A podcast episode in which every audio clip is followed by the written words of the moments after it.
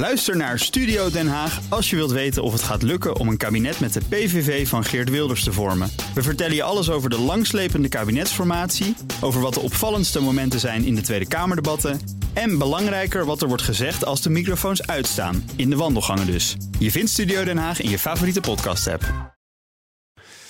Elke twee weken kijken we naar mislukkingen en wat we daarvan kunnen leren. Dat doe ik samen met Paul Iske, CFO, de Chief Failure Officer van het Instituut voor Briljante Mislukkingen. Welkom, Paul. Goedemiddag, Thomas. Ik geloof dat jij gaat beginnen aan een Tour de Force, want je wil het over HEMA hebben. Dan moeten we misschien eerst even afbakenen waar in dit verhaal jij wil beginnen. Ja, nou ja, laten we maar in 2018 beginnen. Daarvoor zijn natuurlijk ook een hele hoop ontwikkelingen geweest uh, rond HEMA. Met uh, natuurlijk uh, Lion Capital, daarvoor nog zelfs Fendex. Dus het is een beetje een speelbal geweest. En uiteindelijk kwam het speeltje in de handen van Marcel Boekhoorn terecht, hè, de bekende miljardair.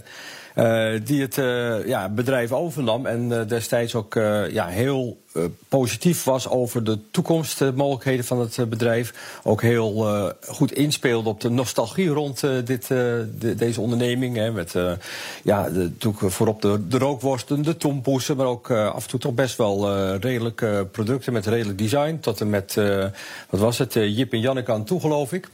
Dus uh, ja, de sympathie uh, had hij natuurlijk wel van uh, de bevolking. Wij, hè, wij willen helemaal houden. En nou ja, dus hij ging aan de gang. maar de vraag is of dat allemaal wel goed gegaan is.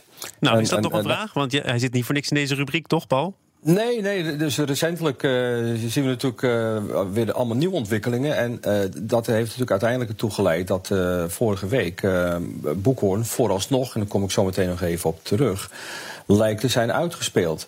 Nou, wat, wat, wat, speelt er nou eigenlijk allemaal? Kijk, hij neemt natuurlijk een bedrijf over wat helemaal uitgeknepen is door, uh, door, de, door de hedge funds, door het, uh, door het investeringsbedrijf Lion Capital. Die hebben het gekocht, uh, gefinancierd en de schulden teruggestopt in het bedrijf. Nou, daarnaast is HEMA, laten we eerlijk zijn, ook al jarenlang natuurlijk niet het toonbeeld geweest van, van vernieuwing, van innovatie. het retaillandschap zelf is natuurlijk erg, staat erg onder druk, onder andere door internet. Dus allerlei zaken waarvan uh, mensen van tevoren al gezegd hebben: van nou, dat, uh, je moet maar durven. Dus, uh, en, en ja, ja, hij durfde dat. Het is ook echt natuurlijk een ondernemer.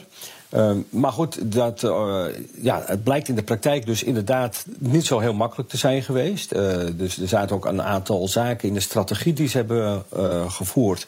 Bijvoorbeeld in de opschaling, daar kwamen ze aan tegen ICT-vraagstukken, daar kwamen ze aan tegen logistieke vraagstukken. Want ja, het bedrijf was daar eigenlijk niet traditioneel op ingericht, op, op, op zo'n groei en op zo'n strategie.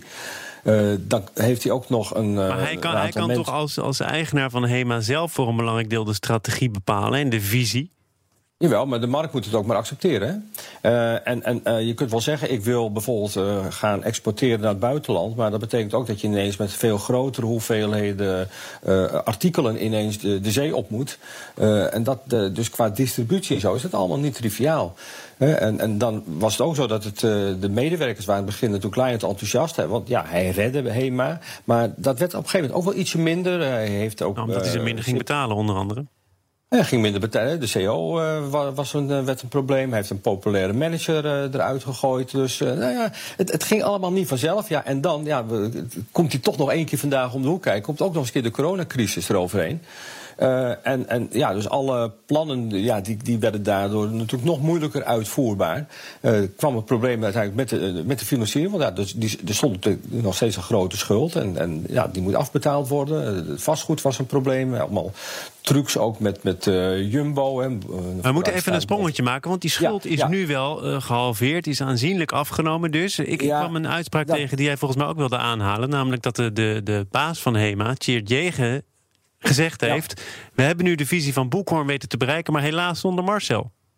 Ja, nou ja, dat, is, uh, dat zou waar kunnen zijn. Uh, maar ik lees ook berichten dat, uh, dat je dat moet nuanceren. Want die schulden zijn natuurlijk niet zo in één klap verdampt. En er zijn andere constructies voor teruggekomen. Ja. Die, die uiteindelijk ertoe kunnen leiden dat, dat er nog steeds een financieringsvraagstuk is. En het wordt zelfs niet uitgesloten dat Boekhoorn eigenlijk nog steeds in de wachtkamer zit. om op een gegeven moment op een andere manier terug te komen. Ja, dat is het nieuws nou, van vandaag, de... hè, dat er een juridisch gevecht dreigt ja, over en, en, en hij, van Hema En, het is ook een ondernemer en ook een slimme, creatieve man. Hij schijnt dus ook een, een, een, een entiteit opgericht te hebben. en dat heet de. Hoe heet, dat had ook een prachtige Boekhorns nucleaire bom. Ja, de Bonubo, de Boekhoorn nucleaire bom. Dus uh, de, die ervoor kan zorgen dat uh, als mensen ideeën hadden dat ze verliezen konden gaan uh, afschrijven, compenseren, dat, dat, dat dat zou tegenhouden. Nou, kortom, ik, waar ik naartoe wil, dit is een hele complexe zaak. Hij heeft een enorm risico genomen. Een risico wat hij volgens mij overigens wel aan kan. Hè, want naar eigen zeggen zit er 115 miljoen euro in. Stel in het slechtste geval dat hij dat kwijt zou zijn. Ik denk het niet, maar stel dat zou zijn. Dan zal hij waarschijnlijk daarvan van balen. Maar hij is nog steeds niet uh, geworden. Dus hij kan dat leiden. En, en daar wil ik ook naartoe. Uh, want uh, wat, wat, speelt er nou precies als je het vanuit het uh, mislukkingenperspectief kijkt? Nou, aan de ene kant heeft hij natuurlijk ook te maken gehad met een zwarte zwaan. Hè. Ineens komt die coronacrisis en in, in één klap worden de problemen ineens weer drie keer zo groot. Het lijkt er ook op dat er ingespeeld is op de emoties van mensen. Op de, het is niet alleen maar ratio geweest. Ik kan niet bepalen, dat moet ik gewoon zelf eens een keer toelichten. Ja, daar is hij wel appig op meestal. Ja, hoeveel hij door de ratio of door de, door, de, door de emotie is geleid, maar het heeft wel een rol gespeeld. Nou, dat zijn allemaal dingen die, nou ja, als je, als je naar een, een zakelijke deal kijkt, dan is het wel interessant om daar rekening mee te houden. Nou, de vraag is hoe briljant was. Hè? Laten we even nog vanuit gaan dat het toch een, mislukking is. Want het Kort hoe briljant deze mislukking was, volgens jouw methode. Precies. Ja, hè, want het is nu natuurlijk geen florerend bedrijf wat, wat, wat uh, de doelstellingen heeft behaald zoals Boekhoorn die in 2018 heeft geschetst. Dus in die zin is het toch wel een mislukking. Nou, hoe briljant?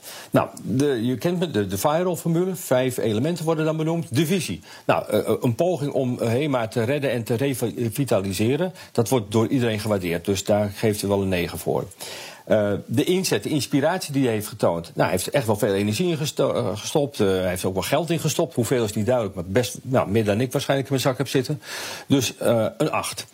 De risico's. Nou, het was duidelijk dat het een moeilijk uh, verhaal was. Uh, dat er heel veel uh, mitsen en maren aan zitten. Maar ja, dan ben je ondernemer of niet. en hij heeft dat risico genomen als ondernemer. En daar werp ik toch wel waardering voor. Dus ook een 8. Oh. Maar dan nu de aanpak. nou, de strategie, daar kun je echt wel vraagtekens bij zetten. Die internationale expansie. de manier waarop met personeel uiteindelijk is omgegaan. Aan het eind ook de onderhandeling met de schuldeisers. nou, allemaal niet helemaal super lekker gaan. Onvoldoende. Daar scoort hij wat een onvoldoende, een 4. Heb je er wat van geleerd? Ik denk sowieso dat het een goede casus wordt voor business schools. Want er zit ook heel veel aan, dit hele verhaal, van begin tot eind. Maar als die, lessen ook nog, eh, als die lessen gedeeld gaan worden, dan uh, is het best mogelijk dat de schade beperkt wordt. Dat we het Lion Capital scenario weten te vermijden. En misschien dat hij zelf nog eens een keertje in de rebound komt, een tweede kans. En dan wordt het een 9. En als ik dan alles bij elkaar optellen, aftrekken, vermenigvuldigen en deel, Thomas, dan kom ik op een uh, 7 uit. En dat is toch wel een briljante mislukking. Dus van mijn kant toch een compliment van Marcel Boekhoorn. En wat ik al zei, een kandidaat voor het tweede kansenloket. Paul Iske, Chief Failure Officer van het Instituut voor Briljante Mislukkingen. Dankjewel.